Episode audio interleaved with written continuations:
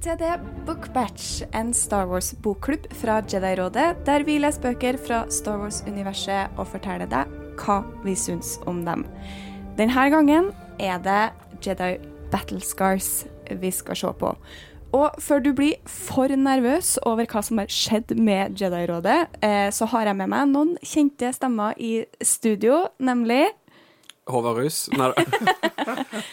Kristian Høgen Aspe. Og Eh, Håkon Øren. Ja. Eh, og Håvard måtte dessverre stå over denne gangen, men han blir nok eh, Han får være med i The Book Batch eh, en annen gang. Eh, og mitt navn er Guro Vågan. Du har kanskje hørt meg i Jedi-rådet eh, før. Eh, jeg har tidligere leda podkasten Potter-generasjonen, eh, der vi snakka om eh, Harry Potter-bøkene, og jeg ble derfor spurt om jeg kunne tenkt meg å lede Jedi-rådet eh, sine lyttere gjennom noen Star Wars-bøker. Ja, og så er jeg eh, forlova med Håkon, da. Stor ære. ja, stor ære.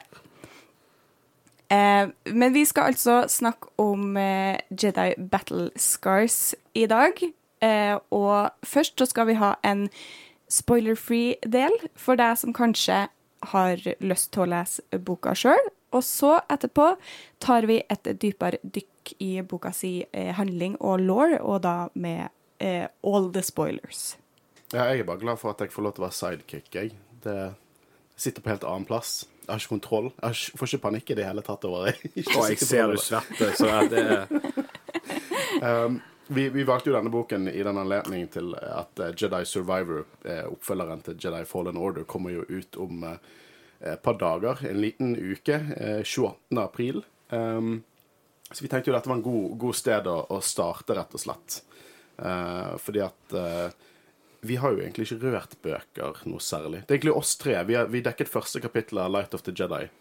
Mm. Ja, Så stemmer utenom det. Det er så har vi vel egentlig bare referert til bøker. Ja, vi har referert til bøker. Og, vi, og vet Ja. lyttere har på en måte sagt at uh, Og kanskje dere diskuterer The High Republic, kanskje dere snakker om, om Throne-bøkene, kanskje dere snakker om Tarkin og sånn. Altså Vi velger å heller snakke om ingen av de bøkene som dere har lyst til å høre men uh, Jedi Battle Scars. Vi følte vi begynte med den boken som Så det passet så bra i forhold til spillet. Og mange av dere er jo sikkert stor fan av spillet dere slutter lytter. Ja.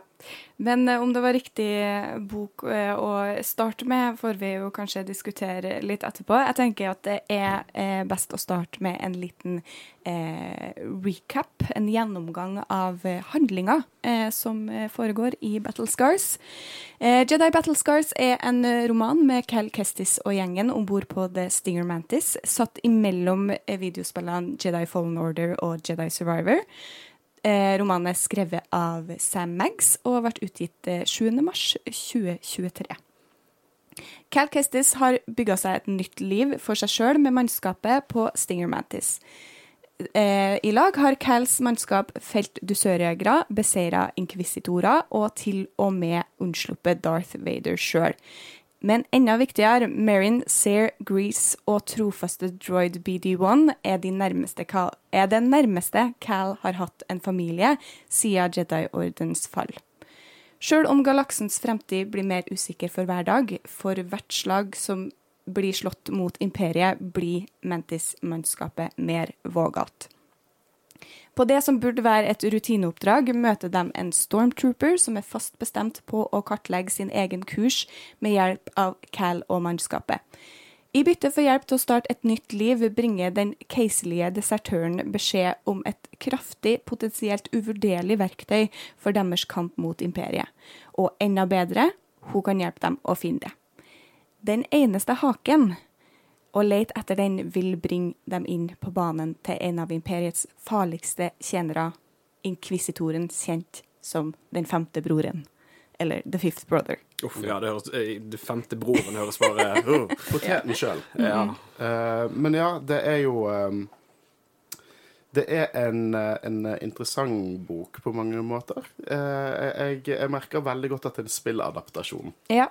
Jeg lurer litt på hvor, eh, hvor finner vi Nå har vi jo nevnt at denne boka er eh, mellom Fallen Order og Survivor, men sånn ellers i tidslinja, hvor eh, sammenligna med andre verk, hvor, hvor er den hen? Eh, denne boken er satt eh, ifølge mine notater, som jeg uh, Jeg sitter ikke foran en PC, så dette er litt skummelt. Den er satt uh, mellom 12 og 10 år før uh, slaget over Jærven. Eh, så originale spill var jo satt Fallen Order var satt 14 år før slaget over Jærven. Survival vil være 9 år før. samme år som Kenobi-serien, rett og slett. Så denne her er satt right in the middle of de to. Så The Empire er ganske etablert, for å si det mildt. Ja. Eh, og hva syns vi om eh, boka? Jeg har tanker. Eh, Du har det, ja. Jeg husker når vi spilte inn Celebrations-episoden vår, som oi, ikke kom ut før 4. mai. Jeg vet ikke om denne her kom ut før. jo, den kommer. Den kom ut før, ja. Det er så mange innspillinger, jeg har ikke kontroll. Ja, da var ikke jeg Jeg var ikke kommet så langt inn i boken, eh, lydboken, eh, men jeg husker du sa en ting som jeg ikke greide å huke tak i, og det var det at du syntes boken var veldig kåt. eh, og boken er veldig Kåt? Ja, jeg skulle, jeg skulle si heit, jeg, men eh, kåt, jeg. eh, ja. Eh, men det er mye Det er mye jeg liker med boken, sånn som det du nevnte i sted, en av dere, jeg husker ikke hvem, at det føles som at du Ta for eksempel når de slåss, kampene som du får beskrevet i boken. Jeg får liksom litt visuelt i hodet hvor likt det er spillet, altså måten de gjør det på. Jeg får liksom eh, visualisert det veldig, for jeg kjenner igjen teknikkene som brukes. Eh, men eh,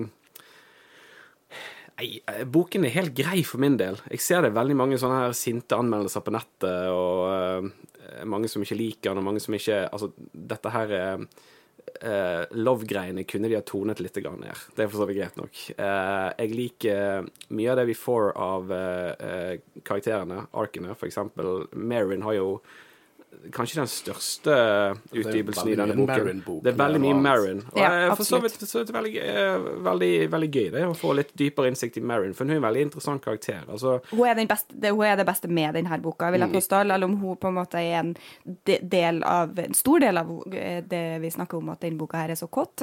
Ja. eh, så, så, er på en måte hennes indre liv da veldig viktig i denne boka. nesten et trekantdrama, sure. Ja, på ja. Ja du, man kan jo begynne å lure på Men det skal vi snakke mer om Ja, det- altså, i det- i dypdykket etterpå. Det er jo Fret Cal og det. Eh, men uh, Å, nå mistet jeg ordet. Det kommer en fjerde part inn der også. Ja. Ja, jo, jo, jo. Men eh, Hva var det jeg skulle si? Nei, uh, take it away. Jeg, Det, eh, ja, for det du sier, det føles som Vet du hva, det føles ikke som en oppfølger Eller som et, Hvis dette hadde vært et spill, så hadde det ikke vært stort nok til å være et eget spill. Det hadde vært det som en DLC. Det er som en liten expansion pack. Eh, og, og eh, Det er elementer jeg syns er dritfett. Jeg liker veldig godt hvordan de utforsker Night Sister Magic, for det er ikke veldig utforsket, Nei. rett og slett. Eh, jeg synes at det var noen gøye referanser. Eh, ja, det, òg, det var noen gøye referanser til spillet. Eh, for eksempel det eh, canon at ponchoen til Cal Ja, jeg skulle til å si liksom. den rosa ponchoen. si det. Så det, det, det, det, er veldig gøy. Det er veldig gøy. Det er helt klart at Sam Eggs, forfatteren, er fan av spillet og, og andre spill i Star Wars-universet. jeg må bare si at, eh, at det tok meg et par kapitler før jeg på en måte OK, nå har jeg investert. Jeg tror ikke jeg var investert før som kapittel 14-15, eh, fordi at eh, jeg synes Det, det love-plottet er liksom Det er utrolig det kunne vært eh, mye. Det, og det er mye det samme. Og det, det, det føles litt som at Sam Maggs har fått en liste av, ting som hun må være gjennom for å komme til sequel, liksom. OK, du har A, B, C, D. A, B, C, D må være med. Eh, og så bare hopper hun veldig fort over ABCD, mm. Og så bare skriver hun en sånn intens love story. Uh, jeg skjønner ikke helt battle... Jo, jeg skjønner jo tittelen Battle Scars, men når du hører Battle Scars, så tenker du litt mer sånn OK, nå, her er det liksom mørke Og det er en ganske mørk bok. Det er en veldig mørk bok. Ja. altså Spesielt uh, Jeg kan tenke på ting med Carl, for eksempel, som jeg, tenker veldig mye Ja. Her er det mye mørkt, dypt sånn dark side-stuff som skjer, på en måte. Uh, men love storyen kunne vært kortet ned litt, og kanskje Jeg har ikke noe imot det. Det, kunne godt, det kan godt være en love story i Star Wars. Det, det, det, Å, ja, ja, det passende, det. Bare eh, det kunne vært skrevet på en bedre måte. Ja, det er uh, insta-love-trope her. Ja, Eh, men- så hardt som jeg tror ne nesten aldri har sett i ei bok før. Det var ganske Ja. Men det som er veldig bra med boken, er jo at eh, den skal gi oss en forklaring på hvor vi er når vi begynner på Jedi Survivor. Og det, det, det er gøy. At vi får etablert hvor karakterene er, hva som har skjedd i mellomtiden. Og det gjør at jeg gleder meg enda mer til å spille spillet. Jo, jeg, altså, jeg er enig med deg, men samtidig så syns jeg på en måte at uh, vi starter boka, vi får etablert hvor karakterene er hen, uh, og så avslutter vi boka, og så er egentlig karakterene på ganske samme plass, bortsett fra Marin. Bortsett fra Marin. Marin har en eh, liten eh, ark her, og, og noe som helt sikkert vil være tydelig når vi kommer inn i spillet òg, at hun har utvikla seg, særlig da med tanke på eh, magien sin.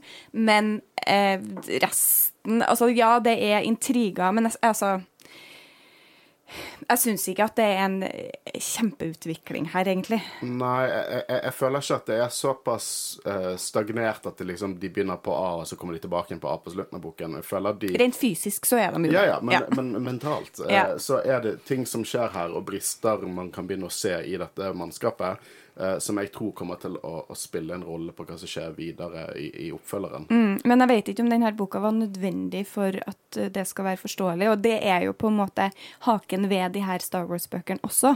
At det skal ikke være nødvendig å ha lest boka for å kunne spille Jedi Survivor. Og da må man jo på en måte ikke gjøre for store ting til at det ikke kan forklares med et eller annet i sjølve spillet også. Ja, det, det ja, ja, et godt poeng. Ja. Altså, hun har jo gjort det beste hun, hun klarer, liksom. Ja, og det, og det er på en måte ikke en brist ved boka i seg sjøl, men en brist ved konseptet. Og selvfølgelig, hvis du er veldig glad i crewet i, ifra spillet, og liker de her karakterene, så er boka helt sikkert uh, verdt å lese, altså. Og hvis man da på en måte går inn med en forventning om at her uh, får jeg mye ekstra, eh, men kanskje ikke noe revolusjonerende, eh, så kan man nok eh, være fornøyd når man er ferdig. Men, eh, men ja, den er jo ikke revolusjonerende, Jeg tenker jo også, når, jeg, når jeg leser denne boken her, så får jeg litt sånn Jeg tenker litt, litt på Rebels, for at jeg føler de prøver å etablere at dette er en familie. Eh, og det er på en måte styrkeboken litt for meg, for det eh, det det det er Mantis Crew, sant? Det, det, er- det er gøy å Jeg syns det er gøy å lese eh, eh, hva som skjer med de uh, i mellomtiden. Ja. Ja, jeg- jeg, jeg, jeg, så jeg, må, jeg, må, jeg måtte bable litt der, for jeg visste ikke helt hvor jeg skulle med den, eh, men dere skjønner. Nei, men det, det er liksom, det, man er litt sånn Som, som Star Wars-fan, som Lord-junkie, så er det alltid gøy å få mer law. Det, er liksom, det er ikke noe å ta på det. Uh, Syns jeg det er en god bok? Nei. Jeg vet ikke om jeg kan si at det er en god bok. Det, det, liksom, det var elementer her jeg syns var kjempekult. Det, så jeg har, jeg har masse positivt som jeg har lyst til å dypdykke i. Men som alt i alt, om det var en god bok uh, I don't know. Det, det, det, hvis du er blodfan av spillet, bare du elsker spillet, det er det beste som har skjedd, så les denne boken. Jeg liker storyen i spillene, Ja. Ja. det, men eh, jeg syns den er helt gøy. Og karakteren er tro til seg sjøl. Det, er det er ingenting som skjer i denne boken som jeg føler ikke er in character med karakterene blir møtt i spillet. Nei. Altså, jeg koser meg under klimakset, eh, men kanskje ikke med så mye annet. Eh, språket her, måten det er skrevet på, altså sj- sjølve ordlyden, på en måte, eh, det var ikke noe for meg. Det betyr ikke at det er dårlig, men det var ikke noe for meg. Ja, men det Eh, er det som er så bra med Star Wars. Det er noe for alle der ute, Ja. og det er ikke noe, alltid noe for alle. ja. Hvis du vil ha en softcore, eh, softcore litt sånn firkantdrama-pornobok, så, så kjører Battle Scars. Ja. Så, det, så, det, så det er det vi skal ligge igjen med. To ord for å beskrive denne boken. Han er mørk, og han er kåt. Ja. Det er det, det er der vi skal ligge an. Ja. Det jeg syns nok var det eh, verste med det, var, eh, var ganske forvirra over noen av karakterene sine motivasjoner og valg. Eh, som ble Spesielt her. karakter sitt valg. Ja, eh, altså både karakterene sine valg, men også forfatteren sin valg med hvordan hun strukturerer eh, forskjellige ting. Eh, når det er sagt, eh, så syns jeg det var rel relativt god pacing. Det var godt driv i historien. Det var ikke noe eh, Det er litt mye her. Eh, altså, det er litt mye indre liv noen gang. Eh, men eh, men det, historien drives godt fremover, og de gjør noe hele tida. Eh, så det er ikke kjedelig på den måten. Jeg likte veldig godt arken til han eh, Hva heter kapteinen? Um, Grease. Grease. Ja. Mm. Ja, jeg likte Grease i denne boken. Ja. Mm. Så eh, skal vi konkludere med noe her. Eh, bør folk lese boka, eller eh, bør de kanskje hoppe over den her og bare fortsette å høre på vår spoiler-del av podkasten for å få med seg handlinga? Hør, hør videre, du. Bare hør videre. Kos deg. ta på, drikk litt, uh, ta litt kaffe eller caff, og ta deg inn et fint varmt teppe, og så hører du ferdig pod, eh, Jedi-rådet sin spoilerpod. Det tenker jeg. Altså, jeg, eh, jeg har lest verre Star Wars-bøker. Det er alt jeg vil si. Ja, det her er jo min første Star Wars-bok. Og for et smell det var. Eh, ja, da eh, trenger du i hvert fall ikke være redd for å gå videre nedover på neste bok, tror jeg. Nei, da, det kan bare gå oppover Ja, jeg, herifra, jeg, jeg, liksom. jeg tenker det. Det spørs hva du velger. Ja. ja. Men i og med at eh, vi skal uh, tease neste bok seinere, så tror jeg egentlig du kommer godt ut av det. Ja. Nei, men eh, jeg tenker eh, det Hvis du er veldig veldig glad i crewet på The Mantis, så kan det hende at, det, at du vil kose deg med denne boka. Hvis du går inn med kanskje litt lave forventninger og ikke har noe imot eh, litt eh, seksu... Hvis du ikke har noe imot eh, seksuelle eh, eh, elementer i, i bøkene du leser, eh, så kan det her godt være en bok du kan kose deg med. Bare- By the way, et spørsmål til uh, Sam Meg, som skrev andre bøker. Altså, da mener jeg Star Wars-bøker, altså. Ok, andre Star Wars-bøker. Ja. Og vet du hva, Sam Meggs Hun jobbet på Nights of the Old Republic-remaken. Uh, som oh, ja. er under produksjon. Eh, hun hoppet av det prosjektet okay. Ok. uten at jeg helt vet hvorfor. ja. Eh, kan du spekulere at det kanskje er vanskelig for en forfatter å adaptere et så kjent eh, verk som Nights of the Old Republic. Med tanke på at historien allerede er skrevet, så hvordan gjør du det til din egen når det allerede er etablert historie? Er det er sant. Eh, så det kan jo være et eh, element i det. Mm. hun har skrevet ei bok som heter The Fangirls Guide to the Galaxy. Så hun er jo helt tydelig en Star Wars-fan. Den skrev hun i 2015. Eh, hun har også skrevet noe eh, Marvel og DC-bøker. Eh, nå er det vanskelig for meg å si ut ifra det jeg ser her, om det på en måte er bøker om Marvel og DC, eller om, de er, om det er bøker satt i universet. Med nerd, altså. Ja. Jo, helt tydelig. Men det her er den første eh, offisielle Star Wars-boka med handling i universet hun har skrevet, så vidt jeg kan se her, i hvert fall. Ja. Ja. Men da tror jeg vi må si eh, takk til dem som har bestemt seg for at de har lyst til å eh, lese eh, denne boka sjøl. Eh, for nå skal vi gå videre til Ja, altså, jeg, jeg bare for å nevne det, du må gjerne komme tilbake etter å ha lest boken og høre videre. Absolutt. Det må vi få til. Absolutt, men nå skal vi altså videre til eh, den delen av podkasten der vi avslører hva som faktisk skjer i denne boka. This is where the fun begins. Ja, så This hvis du ikke vil bli spoila, eh, så må du hoppe av nå.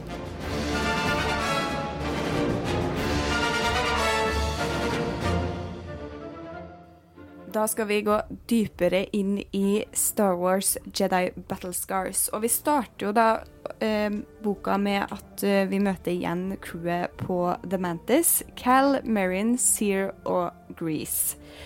Ikke glem BD1, da. Og BD1, selvfølgelig. Å, herregud, det er litt Og du er en droid, Ja, jeg. er jo en droidelsker. Det her er Nå skammer jeg meg. Ja, det skjønner jeg. Ja. Men jeg syns dynamikken deres er veldig koselig eh, å lese om. Eh, I likhet med det du var inne på eh, tidligere, Kristian, at eh, det, det, er, det er veldig en familie. Og det er veldig understreka. Det eneste jeg syns er veldig synd, at det er på en måte Det er tell, don't show.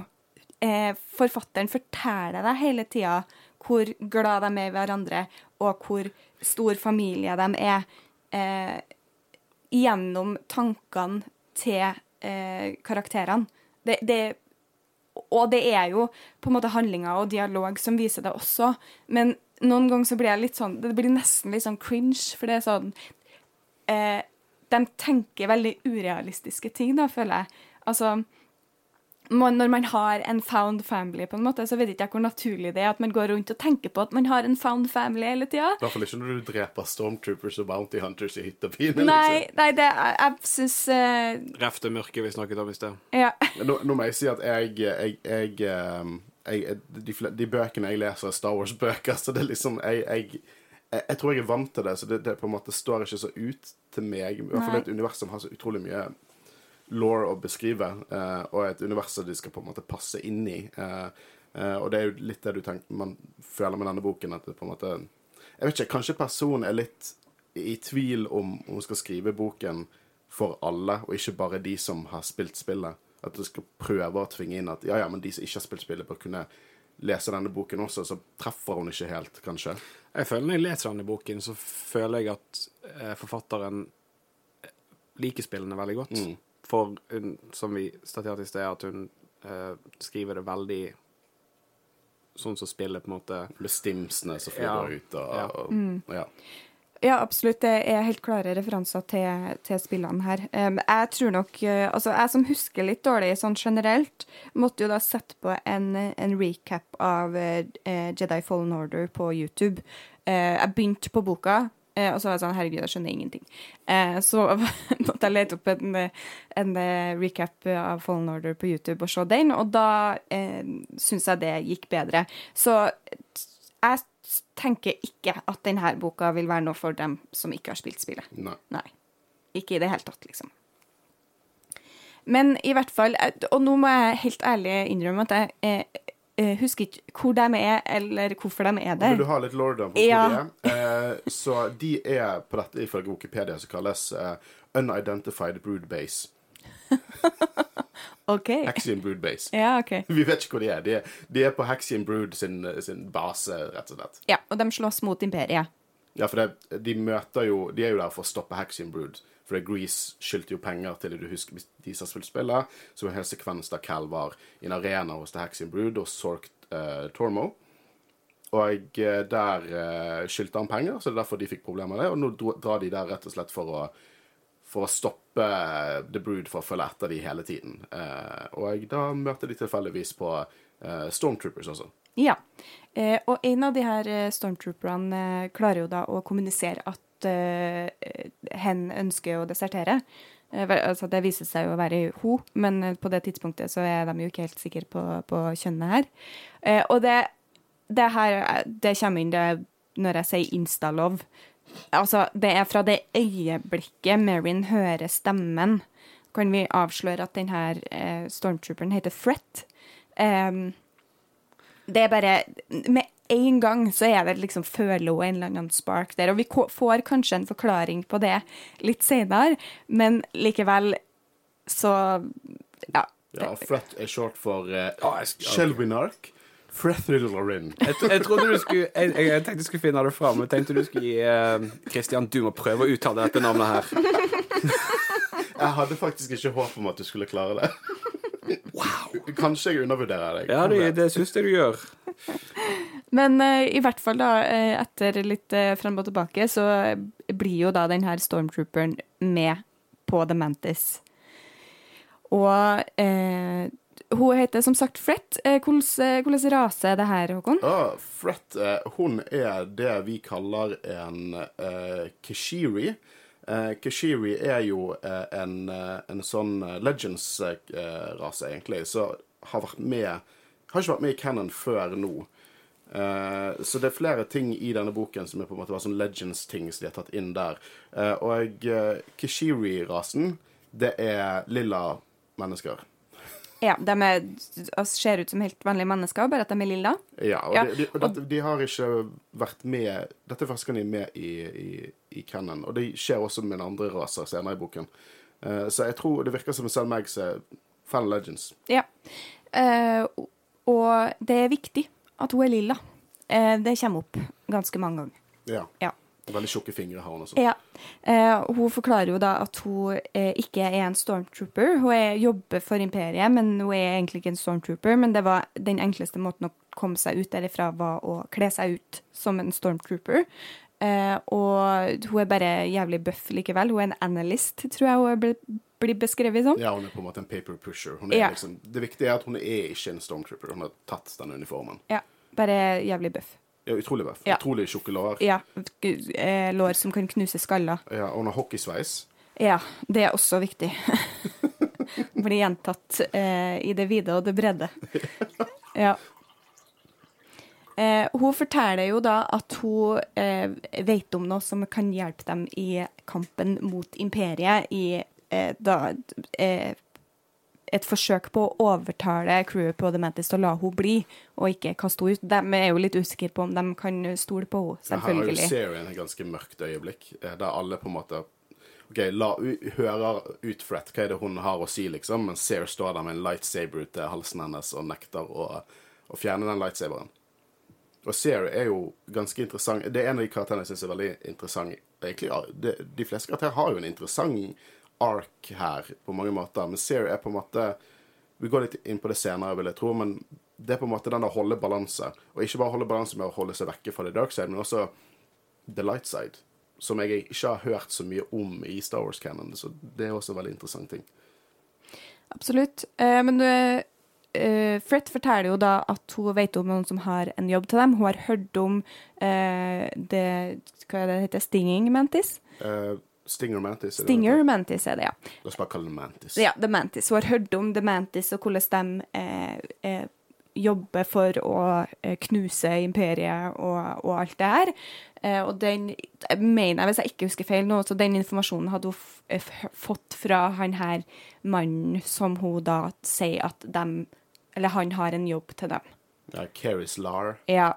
Så de bestemmer jo seg da for å dra til Hosnian Prime eh, for å snakke med Keris Lar om eh, en jobb som han da kan gi dem. Ja, og Hosnian Prime eh, er jo der under sequel-trilogien at eh, republikken vil ha sin hoved... Eh, capital, hovedstad, ja. Eh, det er det systemet som ble blåst opp av Starkiller Base eh, i Force Awakens. Eh, s- Liker veldig godt at de prøver å knytte mer og mer inn mot sequel-trilogien. Altså at vi får se mer av Hosnian Prime, høre mer om Hosnian Prime. for det var kriminelt lite vi fikk av Hosnian Prime i Ja, Force Awakens. Ja, du fikk se um, et bilde. Ja, redde Eh, folk. ja, ja, fancy by. Ja, ja. Mm. First Price Coruscant. Eller ser egentlig litt mer fancy ut enn Coruscant. Meny Coruscant? Ny Coruscant. Ny Nei, Coruscant. meny. Meny Cor- du kan ikke bare si det, du må jo forklare spøken hvis du sier Meny Coruscant. Ja, men, men altså, hvis, vi, hvis First Price er billig, så er Meny dyrt, liksom? Ja. Ja. Nei, Meny er ikke så dyr, altså. Det er, myte. my- det, det, det, det, Jobber jo på det er myte. Det er godt utvalg der, Christian. Det er veldig godt. Jeg liker ferskvaredisken. Ja, ikke sant? Jeg finner ikke Nei, jeg skal ikke drive og reklamere for Meny på podkasten. Vi gjør ikke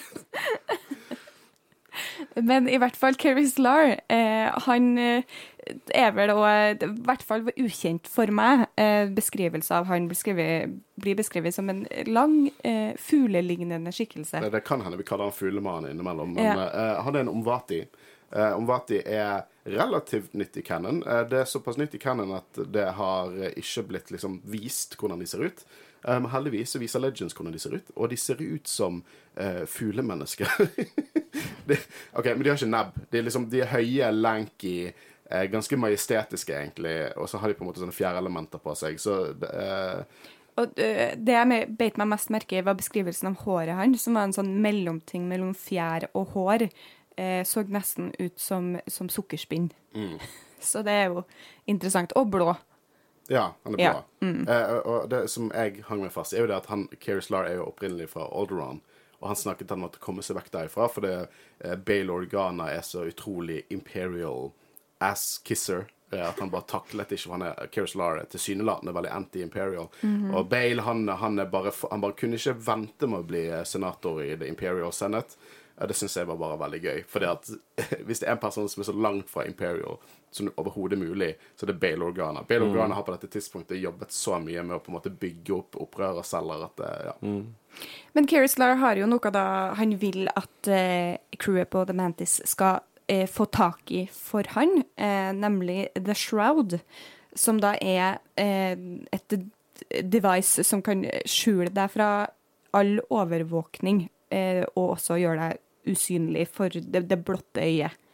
ja det er Ja. jeg tolket det også. Ja, s- altså som kan brukes på personer og ikke på skip. Ja, Eh, jeg- for først trodde jeg det var sånn Dette er noe du fester på skipet ditt, men det virker mer som det er et, et sånn personal cloaking device kind of thing.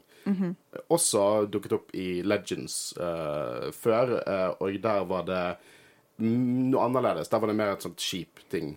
Uh, det var rett og slett en måte å for, forvirre sånn track, eh, tractor beams. Eh, se på det som space flares, Så når helikopter får en rakett etter seg, så slipper de ut flares.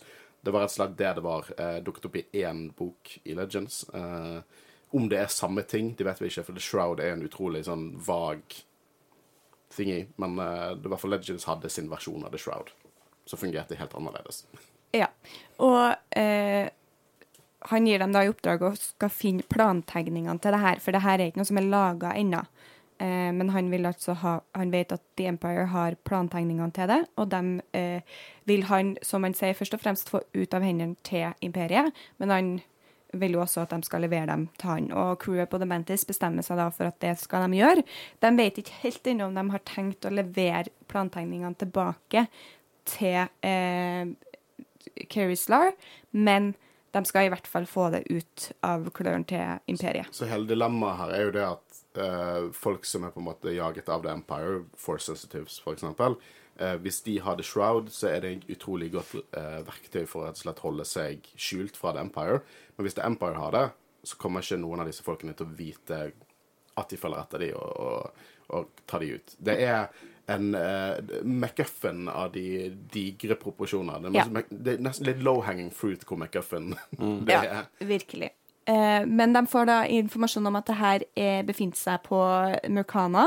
Uh, og selv om de er usikre på om de kan stole på både uh, Fret og Kerislar, så drar de da dit.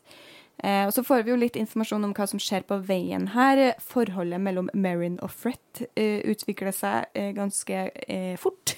Ja, opp til nå har jo på en måte Merrin hatt veldig problemer med det, det her som kalles The Flame, som er på en måte The Night Sister Magic. Eh, og hvordan hun den, den er veldig turbulent og sånn. Av og til så bare klarer ikke hun å finne den fram.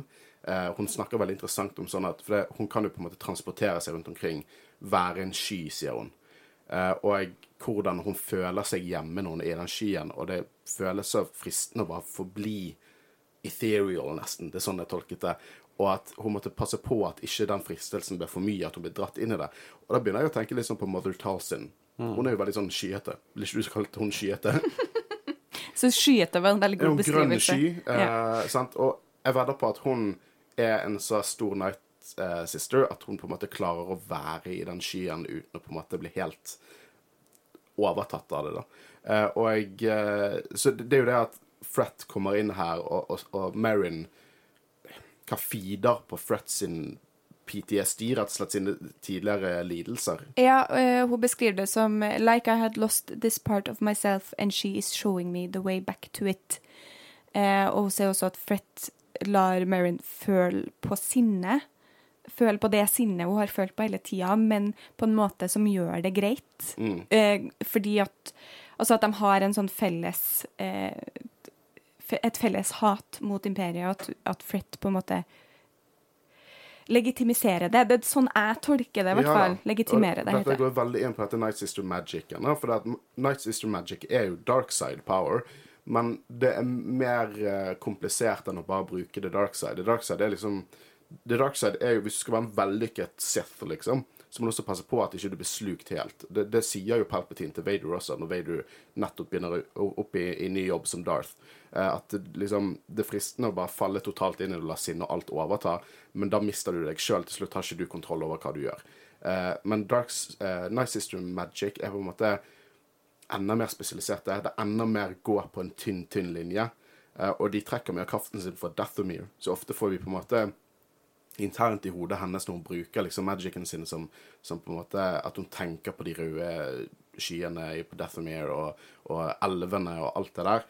Eh, så det er interessant å se hvordan hun bruker Eller feeder på the dark side med Fret, eh, eller på grunn av Fret, og, og hvordan hun klarer å bruke det. Og så enda mer interessant hvordan Sear og, og Cal egentlig Ja, de er jo litt sånn nervøse rundt det, men de tillater det, på en måte. Eh, og så føler jeg også fordi at de ikke helt forstår hva det er. Det er ikke liksom Hun er ikke en Sith. Hun er ikke en dark Jedi. og hun, Dette er hennes kultur å bruke det dark side. Og det virker som om de som familie på en måte aksepterer det. Til tider litt sjalu, til og med. Ja. Ja, Cal i hvert fall. Ja, Cal er litt sjalu på det Marion klarer å gjøre. Eh, I de øyeblikkene, det må jeg si, for vi hoppet over det. Så uh, uh, Stormtrooper-rustning lukter søtt når det blir kuttet opp av en lightsaber. Ja. Og uh, Stormtroopers uh, kan drikke gjennom et sugerør så de tar rett inn i hjelmen. Det gjorde meg bare lykkelig. For det skjedde på den Bounty Hunter-basen at Cal kommer inn i en bar, og det er en Stormtrooper med et sugerør inn filteret i hjelmen sin og bare koser seg med en drink. ja. Det er gøy. Jeg syns også det er veldig interessant uh, ser, eh, det Seer sier til Marin her om hennes forhold til eh, Fret. Eh, og fordi at det er jo helt tydelig eh, for alle i crewet at det skjer noe mellom Fret og Marin. Bortsett selv om- fra Cal. Eh, eh, Han ser Ja. den grønne flammen utenfor døren deres. Ja. Og bare sånn Å, så bra at flammen er tilbake. Ja. Lurer på hva som skjer der inne. Men Seer har i hvert fall fått det med seg og snakker da med Marin om det her. Eh, og Marin forteller at hun skjønner egentlig ikke helt hva det er som skjer, altså hvorfor hun har falt for den her stormtrooperen så fort. Eh, og da sier Seer at hun mener at uh, man kan ha uh, tettere bånd til noen enn andre gjennom The Force. At visse personer har man mer tilknytning til gjennom The Force enn andre. Uh, hun kaller det a tether, a tether between hearts. Og det syns jeg er kjempeinteressant. For Ja. Seer er jo en Jedi, eh, absolutt en Jedi av Jedi-ordren. Og, og på en måte um, se hvordan hun ikke har det synet For det, de snakker mye om sånn det er farlig å ha for mye relasjoner og være for knyttet, men de går også litt inn på det at å være så knyttet gjør at du kan gjøre ting som ikke er rasjonelt, som, ting som ikke kanskje det lureste å gjøre i ulike situasjoner, for det er alt som betyr noe for deg, er jo de som Hva de sier senere, det er at eh, du må på en måte akseptere at ja, du kunne legge ned livet ditt for noen du er glad i, men du må også akseptere at de ville gjort det samme for deg, og kanskje la de gjøre offer for deg også. Eh, men at Cersei sier det, syns jeg er interessant. Og ja, eh, hva synes vi om kysset mellom Kylo Ren og Ray her i den podkasten? Christian? ja, enough said. Eh, det er liksom ja, jeg, vi er ikke glad i kysset. Jeg kan ikke si at jeg er glad i kysset. Jeg aktivt misliker kysset altså- Rise of Skywalker. Men dette kan være på en måte en, en canon-forklaring på litt hvordan de føler seg. sant? Ja, det også... altså ikke det, det, det kom liksom kort sagt veldig ut av det blå. Nettopp sånn som med Marin og, og Fred. Så Ja. Jo, og jeg er helt enig. Jeg syns at det, er, det gjør det mer um, realistisk, føler jeg, at man også kan ha på en måte uh, mer milde versjoner eh, av det enn det vi ser eh, i sequel-trilogien. Altså Der snakker de jo om en dyad in the force, på en måte. At det er den ekstreme versjonen av det eh, Fret og Marin opplever her, og at det er egentlig noe som eksisterer hele tida eh, mellom alle, på en måte, hvor god connection gjennom The Force man har, men at uh, uh, Fret og Marin helt tydelig har en connection der, Uh, og hos Ray og ja, Kylo Ren var det ekstremt. ja. Ja. Det, det er på en måte det som er gøy med canon, der, for det at enkelte konsepter blir på en måte vagt beskrevet. Sant? Så det er på en måte litt uh, seeren, lytteren, leseren sin, sin jobb å på en måte connecte dots på enkelte elementer. Eh, og det er litt av grunnen til at jeg bare elsker canon, for det at knytte seg litt inn i det farvannet er bare veldig fascinerende. Ja, og eh, Sear har jo på en måte eh, Snakker jo en del om det her, hvordan eh, hun er så redd for at informasjon skal gå tapt. Eh, og da gir det jo mening at, eh, at på en måte eh, det her med eh, det at man har en connection gjennom The Force, ikke nødvendigvis er så godt kjent på det tidspunktet vi møter Ray og Kylo heller. At de ikke de, altså, det, Selvfølgelig er det helt realistisk at de ikke skjønner hva som foregår, men at ikke Luke eksempel heller kanskje nødvendigvis helt skjønner hva som foregår imellom dem. Eh, så jeg syns det er eh, fint. Eh, og apropos Sair og hennes bekymring over hvordan det skal gå med Jedi-kunnskap Hun har jo da på Murkana eh, Hvordan hun vet at den er der, det er jeg ikke helt sikker på. Jeg tror det var det hun hører Mercana, var det tolket det. Hun hører eh, planeten Mercana til der de skal, og så får hun en flashback til Enyo Cordova, som er på en måte hologram, hennes tidligere mester, som vil føl eh, følger i, i Fallen Order, og hvordan um, at hennes favorittgjenstander var The Circlet of Suresh. Eh, og at hun visste at den befant seg i det området. eller noe sånt. Det var sånn jeg tolket det. Jeg synes det, det var veldig sånn OK. Enda en McGuffin. ja, men, men så er det på en måte så vidt innom det. Og Circlet of Suresh er så sykt uh, dypt Legends. Det er, og det, det er ikke stort heller. I, i, I Legends, i Nights of the Old Republic, så kunne du plukke det opp som en sånn equipable ting til hovedkarakteren din. og det boostet force abilities. Og de snakker litt om at det er det kinda legenden sier at det er det de gjør i, i, i canon også. Uh, så det, det, er en dyp, dyp referanse. Uh, jeg setter pris på referansene, men jeg har litt sånn spørsmålstegn på hva som skjer her. For, det, for hun, de går på en scouting mission, det var sånn jeg tolket det.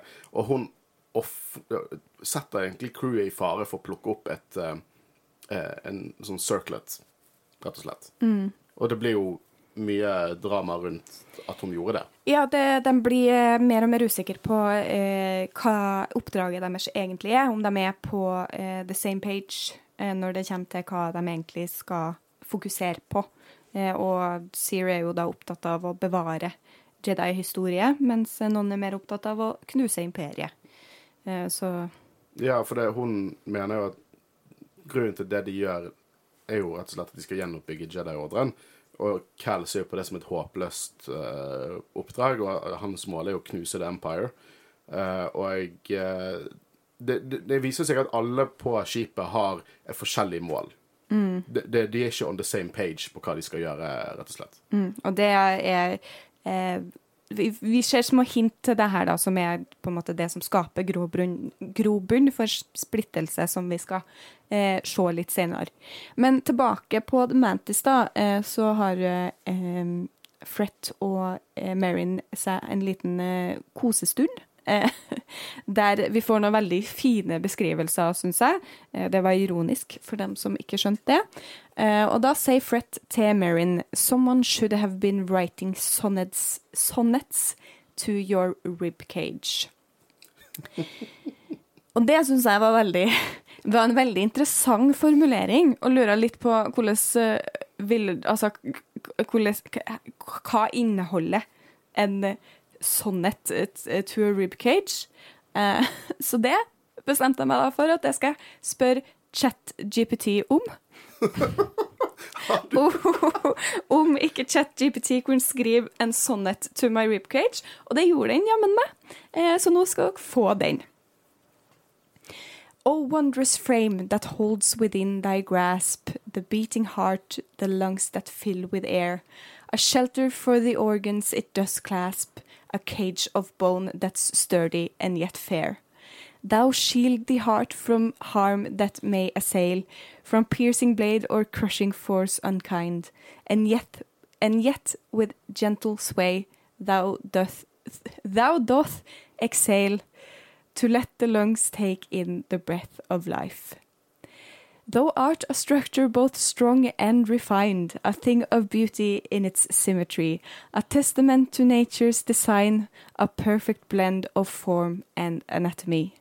So let me sing the praises of thy cage, my rib cage, source of life, my mortal stage. jeg, er program, jeg er vekke som programleder én gang, og nå snakker vi om sannhets... Men den var veldig fin, da. Det, det kan godt være canon, det, syns jeg. ChatGBT, ass. Ja, det syns jeg var riktig. Uh, jeg har hørt litt på Misjonen uh, med Atle, uh, Atle Antonsen og uh, Johan Golden. Og de har fått tilsendt sånne ChatGPT-misjon-manus av noen lyttere. Kanskje vi skulle lagt inn ChatGPT, kan du skrive et manus for Jedi-rådet? Og så skulle vi lest dette live. Fin som bonuspodkast. Det er fin 1. april. Hvorfor tenkte ikke vi ja, det, det 1. april? Ja, men uh, det må vi gjøre en gang. Ja, det er 1. april 2024. ja. ja, jeg syns det var litt dårlig gjort av, av, forfatteren å ikke skrive en sonette når hun først uh, teaser med det. Uh, så da tok jeg på meg det ansvaret ja, sjøl. Eller bra, kreativ. delegert, i hvert fall, videre. Ja. kjøtt GBT Ja. Men de eh, har jo da vært på det her Altså vært og scouta på Mercana, eh, og finner nå ut at de skal starte det her oppdraget med å finne plantegningene til The Shroud. Eh, og når de da starter oppdraget, så eh, oppdager de når de skal taste inn de her kodene, for det er jo noe Frett da sier at det har hun, for det har hun fra sin tid i imperiet. Og så oppdager de at kodene er endra samme dag, men Frett har fortsatt riktig kode. Og avslører jo da Ja, hva er det egentlig de avslører? Ja, ok. Så dette, dette oppriktig forvirret meg. Jeg, jeg syns det var, var weird. For det, deal er at vi får en sånn rar flashback-scene at, at Marion visste at hun fortsatt var Imperial. Men hun var ikke Imperial, for hun liker ikke Empire. Hun har ikke lyst til å være med The Empire. Så jeg skjønner ikke helt hva det er folk blir forbanna over. Fordi at de har jo- crewet altså blir forbanna over. Ikke Ja, folk som leser boka. Men ble, ble dritforbanna Ja. uh, over at hun fortsatt er Imperial. Men hun er jo bare ins de er en inside eh, lady in the Empire. Hun, er de sint fordi hun ikke har levert sin sånn offisielle resignation fra The Empire? Og sendt en sånn PDF-kopi til crewet av Mantis, sånn at de kan bekrefte at hun ikke er Imperial. Hun, hun jobber jo aktivt imot The Empire, og The Empire er ikke klar over det. Er ikke det bare positivt? Og så er- tar Fred og på en måte kompliserer det så jævlig med å bare ikke formulere dette for første stund hun møter crewet. Så jeg, igjen sånn, Hvis Luthen for uh, Andor hadde hørt dilemmaet til The Mantis Crew, så hadde han begynt å ledd. For det er sånn What the fuck? Så hvis hun er aktivt jaktet av The Empire, hadde det vært bedre for dere? Det, dere, dere har allerede fått frykt ut av at hun er, er, er en inside uh, Imperial. Dere har kodene. Det, det er frukt av at de ikke er klar over at hun er, har desertert. Så jeg skjønner ikke helt hva er Nei, problemet. Og, og som hun sjøl sier, hun er på en måte ikke Hun har ingen stor stilling i imperiet. Det er ingen som har savna henne ennå. Hun skulle bare melde fra på Murkana. Altså, det var hennes på en måte eh, det, det er derfor hun har kodene, fordi at hun skulle på en måte eh, rapportere eh, dit. Så det eneste de trenger å gjøre, er egentlig å la Fret rapportere på de tidspunktene, de få tidspunktene der hun trenger det, og så kan de beholde sine Inside Imperial også. Men altså, jeg skjønner ikke hvorfor ikke Ja, som du sier, hvorfor kunne ikke Fret si det med en gang?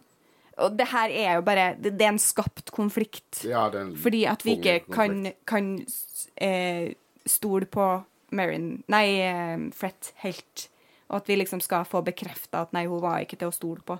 Men det er jo ikke Altså, Og Marion, for den saks skyld. For det, Cal ble jo veldig eh, fra seg når Marion var klar over dette. her. Ja, og bare det òg, midt i liksom det oppdraget Når de er på den derre sniker seg rundt på, på Murkana, eh, så hopper velger da forfatteren å hoppe tilbake i senga til Fret og Marion og liksom beskrive en sånn Nå hørte jeg det på lydbok, så jeg vet ikke hvor mange sider det var, men det var i hvert fall flere sider med liksom bare en beskrivelse av eh, hvordan eh, Fret fortror seg til Marin om at hun egentlig ikke har hoppa av The Empire ennå.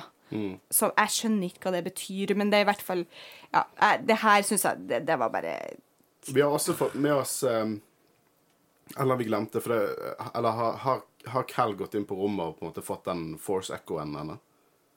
Ja, det skjer vel rett før de går inn, tror jeg. Ja, for at uh, Ja, for vi har ikke kommet der ennå.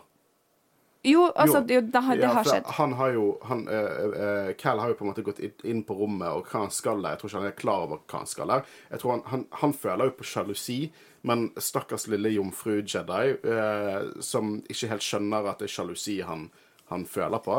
For det, at, det, det var jo dynamikk mellom han og, og Marin i, i, i Fallen Order, og det er fortsatt sånn en liten sånn Will They Want They i denne boken også. Absolutt. De holder den i live, definitivt. Ja, og, og han går inn der, og så uten egentlig at han har så mye kontroll over det, så får han en sånn force echo, der han kan sense gjenskap sin historie, eh, gjenstand sin historie eh, på rustningen til, til Fret.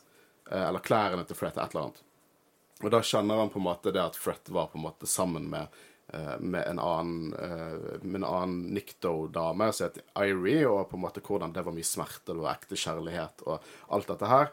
Og eh, han føler at det at han ikke kan fortelle det til Marin, som nå er knyttet til Fret, fordi han vil ikke såre Marin over at hun, Fret, har en annen, liksom, en annen kjæreste. Ja. Eh, og eh, apropos den her eh, Hva var det du sa rasen heter? Eh, Nikto. Nikto, ja. Apropos den her Nikto-dama. Eh, når de da kommer til det stedet eh, der de eh, skal finne eh, eh, plantegningene til The Shroud, så viser det seg at det er ikke bare tegninger, det er også en Nikto-dame. Eh, Og tegningene inni hodet hennes. ja. Eh, og ved navn Irie, eh, som da er Freds tidligere partner. Så her får vi da enda en spiller eh, inn i sjalusidramaet som eh, jeg i hvert fall ikke var veldig investert i i utgangspunktet. Det er det her jeg mener det var firkantdrama. For du har liksom Cal, som er supersjalu og ikke er klar over at han er sjalu. Og så har du Marin, og så har du Fret, og så har du Irie. Så Ja. ja, firkantdrama. Eh, og de får jo da Eller eh, Fret insisterer på at de skal ha med seg Irie ut derifra, eh, og det får jo med seg eh, crewet på det. Eh, og så, når de da skal prøve å flykte derifra, eh, så eh, møter de på The Fifth Brother. Ja, og for, eh, som jeg har sagt før, Christian, jeg har ikke vært fan av The Fifth Brother. Jeg har kalt han potet. Det er fordi at han er en potet. Ja, han er en potet, og han forblir en potet. For vi tenkte liksom OK, Fifth Brother er storskurken her. Kanskje vi får litt dypere. Det eneste vi vet, er at den er fra Artemisia. Jeg føler ikke vi fikk noe sånn eh, Han liker å ha vondt i knærne, det vet jeg. Han eh, Åh, hva er riktig ord jeg leter etter? Men eh, altså, han Han er ikke Han er ikke noe stort i boken, på en måte. Nei. Han er på en måte på han, han er bare der, på en måte. Og det er Du jo bare får en skurk sånn som dukker opp. Du får ikke sånn videre karakterdykking, føler jeg, i den personen, så du får liksom ikke annet enn det du har fra før av at han er Ja, en potet. så han Men, var en eh, potet i Kenobi, han var en potet i, i Rebels, og han er en potet i denne boken også. Og dette er kronologisk i canon første gang vi ser ham. Men når dere sier potet, mener dere da kan brukes til alt? Eller? Ja, han er bare, bare Ja. Skurk, ta han inn der. Ja, OK. Mm, Eh, skjønner. det eneste Jeg likte litt eh, hvordan han, han på en måte snakket liksom, Tankene hans om han, han fikk jo snakke med The Grand Inquisitor, og litt sånn at han på en måte samsatte en sånn arrogant stemning der. eh, Og jeg, jeg syns det var jævlig vittig hvordan han hadde vondt i knærne, og det var en bra ting, for da er han dark side.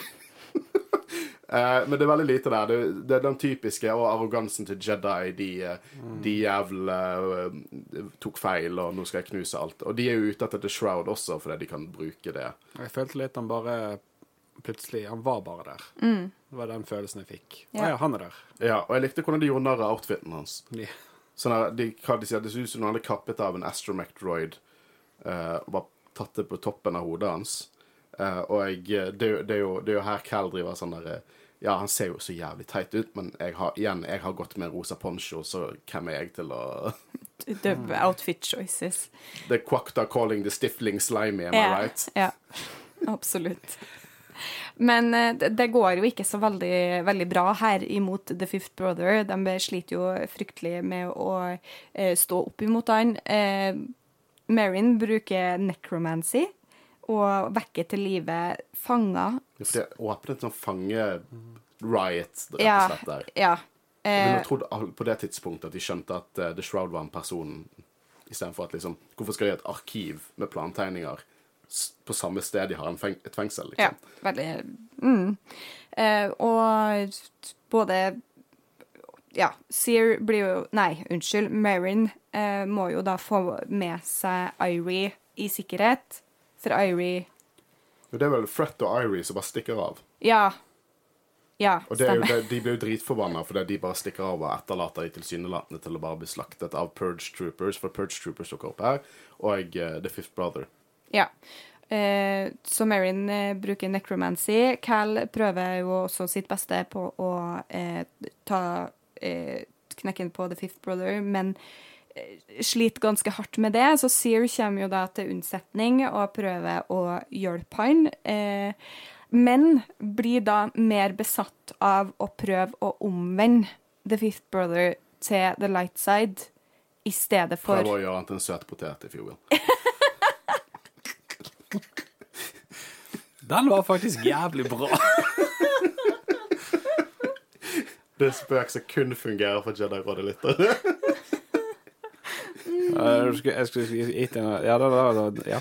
Sweet Potato Inquisitor. den traff deg så godt. ja, ja det, det, den var Ja, den var god. Den var veldig god. Ja, den likte. Den likte. Ikke vær så overrasket. Nei, du, etter de tørre vitsene jeg har hørt fra deg tidligere, så Eh, men ja, eh, eh, blir da mer opptatt av å gjøre han om til en søtpotet. Eh, enn å faktisk redde Cal, eh, som da er bevisstløs på det her tidspunktet, Ja, tror for han klarer ikke å stå mot en inquisitor. Ja. Han går jo inn det at liksom, ja, ja, de var mot Triller tidligere, men det var jo egentlig ikke han som gjorde så mye i, i, i den. Og det syns jeg er litt arrogant, for det er jeg stresset jævlig med Triller-bossen. Eh, jeg og så skal liksom denne boken ta det fra meg. Ja. Eh, og Men det går jo eh, Ja. Eh, Sear prøver jo så godt hun kan. Eh, lykkes ikke så veldig med det. Og Grease finner jo da ut på skipet, eh, der han sitter på skipet, at det her må jeg gripe inn. Det her går ikke lenger. For han er bare lei. Ja. Han er, det, stil er bare vi må slutte, for det, vi, vi er to Vi er musepiss i havet. liksom, Vi kan ikke gjøre Vi bare setter oss i fare og i fare, og for hva? Vi, må på, vi, må, vi må slutte med dette. Vi må bare sette oss ned og så drite i alt dette her. Så han er jo bare så jævla sick and tired av disse Force-brukerne, og hva deres agenda er hele tiden. Og i hvert fall når Sear For det, det er her du går inn på dette her, med balanse. sant? For Sear har hatt problemer med The Dark Side. Det er derfor hun på en måte har eh, kuttet seg helt av The Force når vi møter henne første gang i Jedi Fallen Order. Og det er utrolig kult. Det er nesten som sånn Hun er nesten som en eh, addict som på en måte prøver å holde seg clean. Eh, og her er jo det at hun overkompenserer sant, mot the light side. Så hun ser Trilla i alle. Hun er også til og med livredd for Cal. Hun er, liker ikke denne tanken med at Cal virker så hevngjerrig på The Empire. Eh, hun ser på en måte Trilla i, i The Fifth Brother og prøver uten hell i det hele tatt. Og hvem skulle Liksom, den poteten der det er, for, Han ler jo bare opp i trynet. Sånn, hva faen er det du prøver på? Jeg er poteten. det endrer ikke form. Uh, og I am the potato. ja, Darth Potato. Så, uh, han, eh, så han Det skjer jo ingenting med han, sant? Kalte han nettopp Darth Potato? Ja, jeg vet det. han er en inquisitor, så han er ikke Darth, men Darth Potato. Yeah. Uh, og han Så det går jo rett som var faen, og hun fokuserer mer på å ta han til the light side enn å hjelpe Cal, som ligger for døden, eh, enn å høre på Grease. Og eh, hun strever med balansen. For hva er for mye? For nå gikk hun for mye light side, det som er på papiret light side, til, å, eh, til at det faktisk er bra, en god ting å gjøre. Og da trekker du inn sånn spillogikk. Sånn Nights of the Old Republic. Gjør du nok gode hendelser, nei, valg uansett hva det er, så får du sånn light side meter, eller så får du dark side meter. Her, her er det snakk om faktisk balanse. Og balanse er jo det at, at mørket og lyset kan på en måte fly går. Det er yin-yang, liksom. Og jeg, denne boken er første gang jeg føler at de går inn på dette her med at light, for mye lightside kan være gale. Og eh, det ender jo med at Grease mister en arm. Ja. eh, Han eh, kommer jo da og prøver å hjelpe til, eh, og får en arm kuttet av av en eh, lightsaber. Eh, som han jo da ikke er særlig fornøyd med, selvfølgelig. Eh, I mellomtiden eh, så har jo da For det er noe På et eller annet tidspunkt så blir Iris skada, og nå husker jeg ikke hvordan, men i hvert fall så Marion bruker jo da The Flame for å heale henne. Så når de da kommer tilbake med Grease, så kan ikke Marion hjelpe Grease fordi hun har brukt all kraften sin på Irie. Og dette er litt sånn, jeg føler det er litt paralleller til det vi ser i Clone Wars når Mother Talsin driver og healer mål, liksom. Og, og på en måte gir med beina, liksom. Det er jo robotbein, men det, hun gjør jo noe magic der også, sånn at de på en måte blir en del av han. Ja. Dette greier ikke jeg å huske tilbake til. Det var i Clone Wars. Det er en sånn Det, det, det er jo en av de tidligere sesongene òg, det. Ikke det? Nei, det er mer sånn sesong fem, tror jeg. Er det fem? Ja, ja, ja. Darth Ja, okay. dukker ikke opp før en god stund inn, liksom. Jeg trodde det var sånn tre-fire, jeg. Men tilbake Sorry. til The Unnskyld. Brooked Beklager. Hand. Jeg, beklager. Er Vi hadde sånn, vi hadde sånn mimrestund her eh, om, om Clone Wars. Men ja, tilbake Ja. til boken. Eh, og det er jo her eh, på en måte alt eh, kulminerer. På grunn, altså Grease er jo dritforbanna på Sear, eh, og eh, Marin er dritforbanna på Fret. Og stakkars Irie oppi det her, som egentlig ikke har gjort noen ting galt. Ja, stakkars dame. Hun har Ja. ikke bedt om en dritt. Nei. Og alt dette skjer. Men, men eh, Grease er jo egentlig mer forbanna på Fret enn Sear, eh, egentlig. Ja. For han har jo alltid vært sånn Hva faen er vi gjør på? Hun er en stormtrooper. ja. Og, og, og det her er bare Jeg liker ikke Fret, altså. Nei, men familien slår, eh, slår sprekker, da, for å si det sånn. Eh, og, men de bestemmer seg jo da likevel til slutt for å faktisk eh, dra til eh, eh, Hosnian Prime igjen.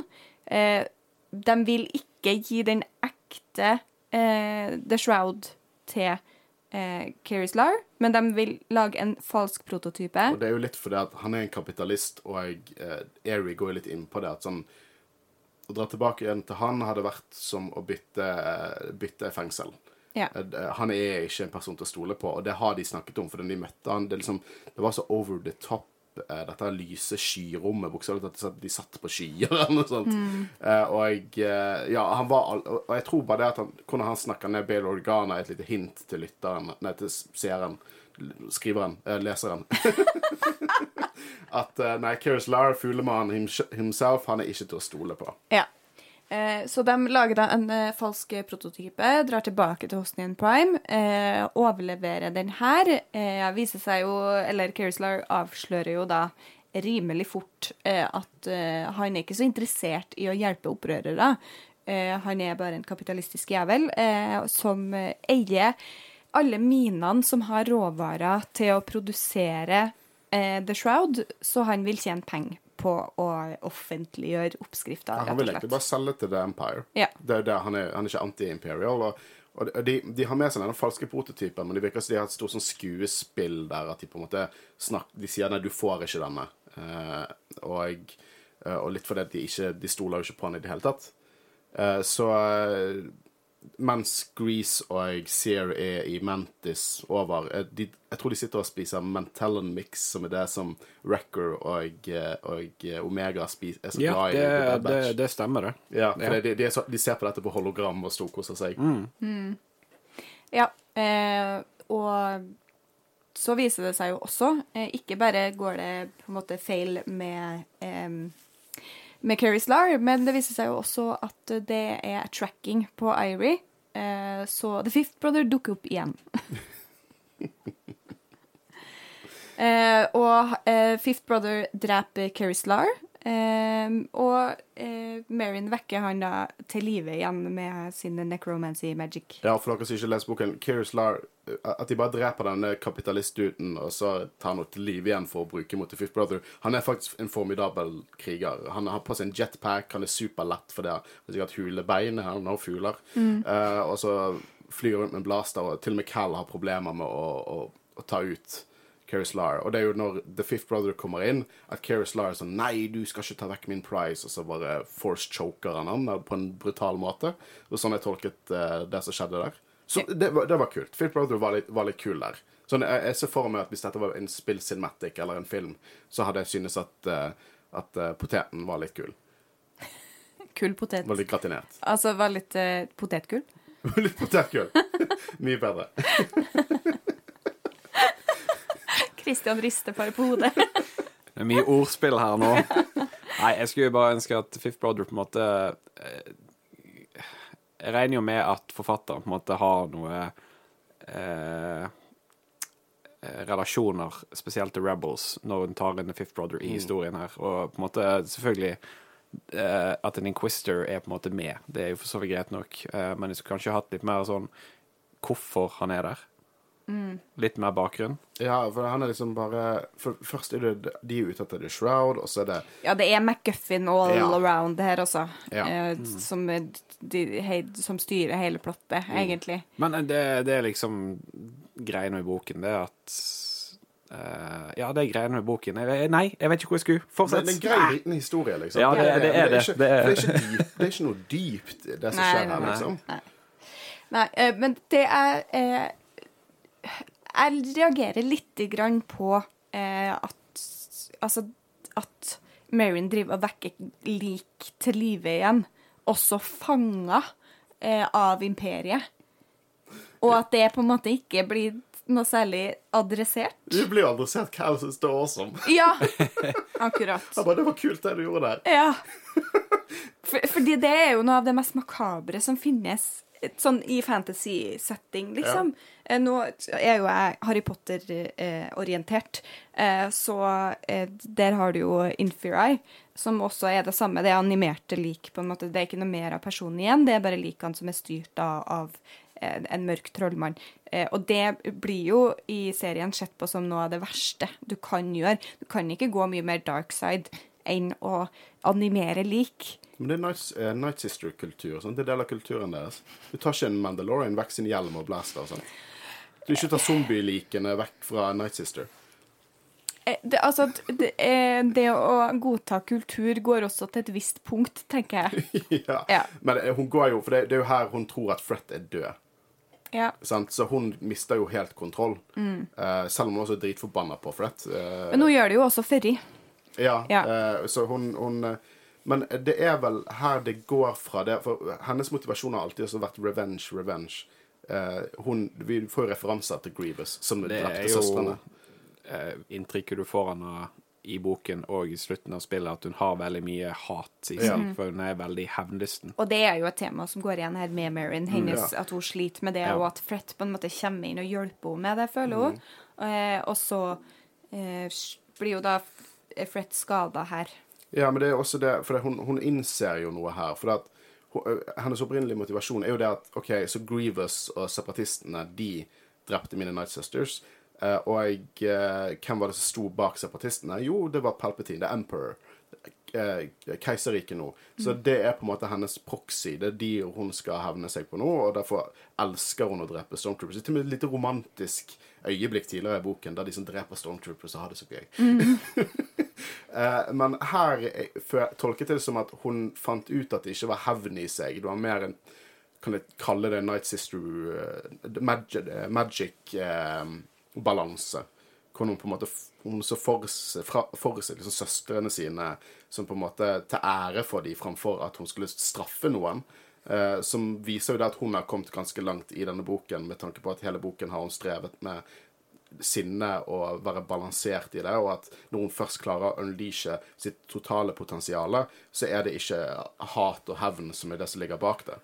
At Fret hjalp henne å komme der. Ja, jeg, jeg ser Jeg hører hva du sier, eh, og jeg hører hva forfatteren sier, men jeg føler litt at det er en slags Og det er jo alltid det man på en måte sliter med litt i Star Wars, føler jeg. Blant, altså det med eh, hva er light side og hva er dark side, og hvor mektig kan man Altså at man Hvor mye dark side kan man gi til en karakter som egentlig en, er en uh, good guy, da? Eh, og det er litt det jeg føler at uh, forfatteren prøver å, å eh, rasjonalisere eller rettferdiggjøre her. Eh, at vi vil fortsatt at Marion skal eh, bruke cool Night Sister magic, men hun skal være en good guy. Ja, The Legends gjorde det mye, men mye mindre diskré. Da bruker alle bare Force Lightning. Og hvorfor? Nei, vi det, Because it's cool. It's cool. Ja. Videogames. Det, Cool factor. Uh, ja, jeg, så, så ja, greit. Jeg er med på det, hvis du sier at det er sånn. Eller hvis Jeg forklarer ikke. Det, det, det er så stor i boken, liksom. Uh, Du var retta mot forfatteren, ikke mot Håkon. Men altså, hvis de da sier at det er sånn, greit, jeg skal ikke krangle for mye på det, men jeg syns det er litt lettvint. Må jeg si. Eh, Men de eh, slipper jo da til slutt unna. Eh, The Fifth Brother igjen. De får triksa og miksa litt med den herre Ja, det er Irie som faktisk gjør det Ja. også. den her prototypen, som da skulle eh, bare Den skulle vare ei lita stund, og så skulle den gi fra seg en liten eksplosjon når eh, The Mantis var kommet seg langt unna fra eh, Kerislar igjen. Ja, og nå skal den lage potetmos.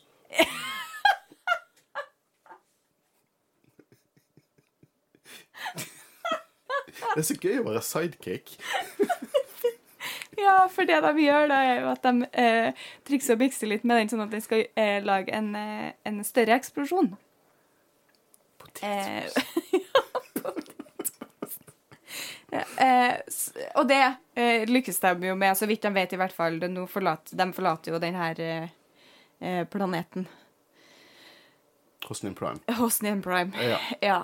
Eh, ut, og tilsynelatende tok, gjorde The Fifth Brother om til potetmos. Ja. Men eh, Men han dukker opp i Kenobi, som er satt etter dette, og så dukker han opp i Rebels. ja. Det er litt sånn, Kunne ikke dere bare lagd en ny Inquisitor som faktisk kunne dødd? ja. Istedenfor at han er sånn Inquisitorsnes Kenny som bare dukker opp om igjen og om igjen. om igjen. Ja. Eh, og nå Altså, det her er jo på en måte klimakset i boka. Eh, det er historiens, eller oppdragets, slutt, på en måte. Eh, men eh, den slutt Boka er jo ikke slutt. Den tok jo aldri slutt. Her må jeg si, her sovnet jeg så sykt ut Ja. eh, på slutten der. Siste kapittelet. Ja, skal vi prøve å ta en, en kjapp eh, gjennomgang av det som skjer? Eh, Marin tilgir Frett på et spa. Ja. De koser seg i en kulp i lag. Fordi Fred forklarer at det, det er ikke sånn med Irie lenger. Det er ikke romantiske følelser, det er bare en eh, dyp kjærlighet, sånn som man alltid kommer til å ha til sin eh, eks som man en gang elska. På noe vis. Det noe jeg trenger å vite som din forlovede. her. Nei. Nei, jeg, har, jeg føler ingenting eh, lignende for mine ekser. Vi kan ta det etter sending. Ja, ja, ja. Um, eh, Fred og Ivory forlater jo The Mantis sammen, men ikke som kjærester. Og Fred spør, spør Marion om hun vil være med. Men eh, Marion har bestemt seg for at hun skal være på The Mantis med familien sin.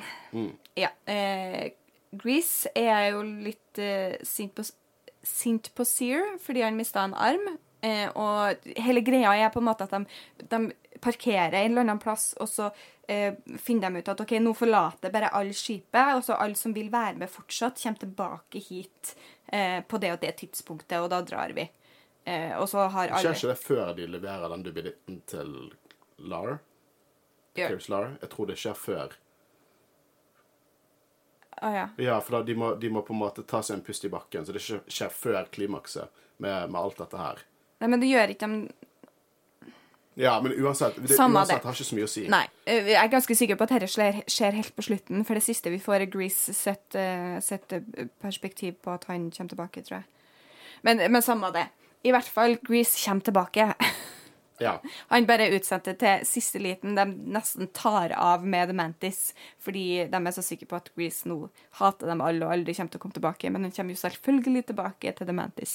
Og alle som var på skipet på starten av historien, er på skipet på slutten av historien, minus arma. Den ene. En av fire armer til Men da, da har vi fått svaret på hvorfor han har en robotarm i traileren til Survivor. Jeg Ja. har også fått vite hvorfor Cal har et arr over nesen. Ja. Det var fifte, det, var poteten som ga. Men um, Og det er derfor boka heter Battle Scars, of course. ja. Ja. På grunn av nesen. Nei, og armer. Ja, og Ja. det mentale, tenker jeg. eh, Ja da, det er noe, det er noe Så, Ja. det, så den tittelen refererer eh, til flere ting. Ja. Mm, veldig dypt. Skrella poteten, if you will. Eh, men eh, det, det, var, det var den siste, Christian. Jeg lover, det var den siste. Ja, nei, altså, Du må bare fortsette. Det er gøy med ordspill. Jeg tenker vi må nå lage en bonusepisode med potet i cannon. Om poteter. Men uh... Åh, eh, det her har vært mye gøyere enn jeg trodde det skulle være. ja. Eh, men det er i hvert fall slutten på boka. Ja. Ja. Eh, og jeg eh, Vi må jo for vi, er- vi valgte jo denne boken av spillet som kommer ut. kom ut på Fredag. fredag. Fredag, ja. fredag. 28. 28. Eh, og jeg kan jo si at vi har vært så heldige at EA har gitt oss eller kommer til å gi oss anmelderkopi, så det er jo litt kult. Eh, så vi, eh, vi skal slippe en spoiler-free episode, review-episode, og så selvfølgelig en dypdykkende canon law-greie som vi alltid gjør når alle oss har fått spilt gjennom det. Eh, men uansett, sånn Kommer vi til å se referanser eller konsekvenser av dette i Jedi Survivor? Ja, altså det Bortsett fra robotarmen. Ja, jo, men det er jo noen som mangler en arm. eh, og så, Jeg tror ikke vi kommer til å se verken Fret eller Irie i eh, Survivor. Tror dere det? Jeg tror vi kommer til å høre om det. Jeg tror i uh, Kall det filmen, kall cutscenesene, eh, at det kommer til å bli referanser til hva som har skjedd tidligere. Ja. Det, det tviler jeg ikke på. Altså, Det er jo en grunn til at denne boken er kommet, og jeg tror de spiller videre på det i i spill òg. Var bare sånn The Circle of Suresh. Eh, vi, jeg tror at Sear nå For de er jo uenige på de, hvorfor de er der. Sear kommer til å gå og bygge sitt eget uh, Jukasta New-kinda type arkiv. Jedi-arkiv. Og vi ser hun i traileren. Så ser hun veldig sånn ceremonial ut. Hun går med fancy kjole og sånne tatoveringer eller ansiktsmaling. Og hun driver med, med sånn arkivtype lignende greier. Så jeg tror at hun for hun er jo så opptatt av dette her med, med hvor viktig historie er, og at sånne objekter som The Circlet of Suresh Folk trenger noe å stå bak for. De trenger liksom ha sånne ting så de kan stille seg bak for å tro på noe. Så hun kommer til, nok til å fokusere mer på det, og vi ser i traileren at det virker ikke som hun er Hun er med i spillet, men det virker ikke som hun er en del av crewet, egentlig. Um, så jeg, jeg, jeg tror at det er noen brister som startet her i denne boken, som kommer til å være en grunn til at, eh, at crewet ikke er sammen. I hvert fall i begynnelsen av spillet. Ja. Eh, jeg tror for min del eh, så vil det eh, være, komme veldig an på eh, hvor mye som er med i spillet. Eh, hvor, for, hva, for hvor nyttig eller verdifull jeg syns den boka her var å lese. Ja. Eh, så, så det er på en måte ikke avgjort ennå, er det jeg sitter litt igjen med. Ja. Hvor mye filler var det egentlig? Det vet vi ikke ennå, for vi har ikke spilt spillet ennå. Jeg, jeg, er litt fan av eh, min eh, teori. så, så ydmyk er jeg. jeg. Jeg tror at det var enkelte elementer i denne boken som Sam X ble fortalt, at disse tingene må du ha med, eh, og det kommer til å spille en rolle. Og det kommer ikke til å være sånn at du trenger å lese denne boken for å skjønne spillet, at all. Eh, men jeg, jeg, jeg liker å tro at de kommer til å legge De som skriver eh, historien til spillet, at de kommer til å legge inn et par easter eggs til oss. Ja, Gir det merverdi? Det kommer ikke til å Ja. være et Rogue One Catalyst-samhold som den hadde med Rogue One, der det er rett og slett som første halvdel av filmen er i boken. Uh, men det kommer nok til å være noen små easter eggs der, eh, forhåpentligvis. Eh, kanskje Fifth Brother dukker opp, hvem vet. Hvem vet. Har vi noen siste tanker vi har lyst til å dele om denne boka? Nei, det, det er alltid kjekt med mer canon, Ja. eh, for all del. Eh, og eh, Ja, det var noe kåt, da. Uh, men ja, og vi kan jo snakke litt om det vi, vi planlegger. Vi kan ikke love når denne kommer ut, for hele dette bookbatch-konseptet vi, vi har rett og slett ikke energi til å, eller tid til å liksom legge ut ukentlige bokepisoder. Så vi kan ikke si når den kommer ut. Vi tenkte at neste bok skulle være Asoka-boken. Av AK, AK, AC Johnston, er ikke det Jeg tror det er forfatteren heter. Ja. Men uh, Så vi, vi, vi håper jo å, um, å få dekket den. uh, så les den. Ja. Hvis du har lyst til å være med på spoilerdelen i lag med oss, kanskje også sende oss noen tanker og dere har om boka, som vi kan ta med i eh, episoden, så eh, les eh, boka. Eh, tanken er jo at det skal gjøres før Asoka-serien kommer ut, i hvert fall. Eh, men eh, vi gir ingen dato ennå.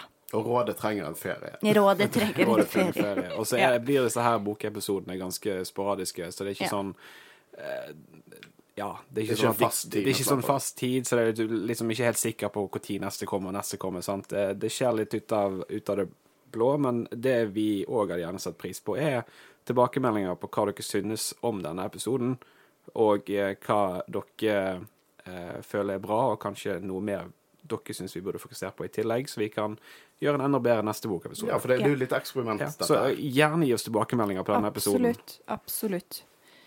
Og så eh, må vi ikke glemme at uh, vi setter alltid pris på dere som følger oss på sosiale medier. Facebook, Twitter, Instagram og TikTok. Uh, vi prøver å være så aktive som så mulig.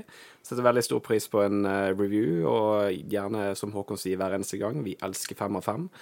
Uh, Skriv hva faen du vil. Skriv hva faen du vil, så lenge du gir fem Få ta Fortell om f- ditt, liksom. Hvilken farge på pelsen Nei da. du men uh, ja. uh, og vi setter veldig pris på alle tilbakemeldinger på podkasten og innspill dere har i forhold til Star Wars. Men da uh, sier jeg tusen takk eh, for eh, meg for denne gang. Eh, utrolig gøy å få lov til å lede eh, Jedi-rådet, eller ikke Jedi-rådet, men nesten Jedi-rådet, i hvert fall. To av mestrene på rådet. Ja, ja, ja. Eh, det er en ære og et privilegium, og jeg setter veldig veldig pris på det. Jeg håper at eh, dere som hører på, også syns at det var gøy, og at dere fikk noe ut av det. Som sagt eh, så blir det Asoka-boken neste gang. Les den, send oss deres tanker, og så tar vi med det i episoden. Og så sier jeg tusen takk for at dere hørte på. Ha det bra. Ha det bra.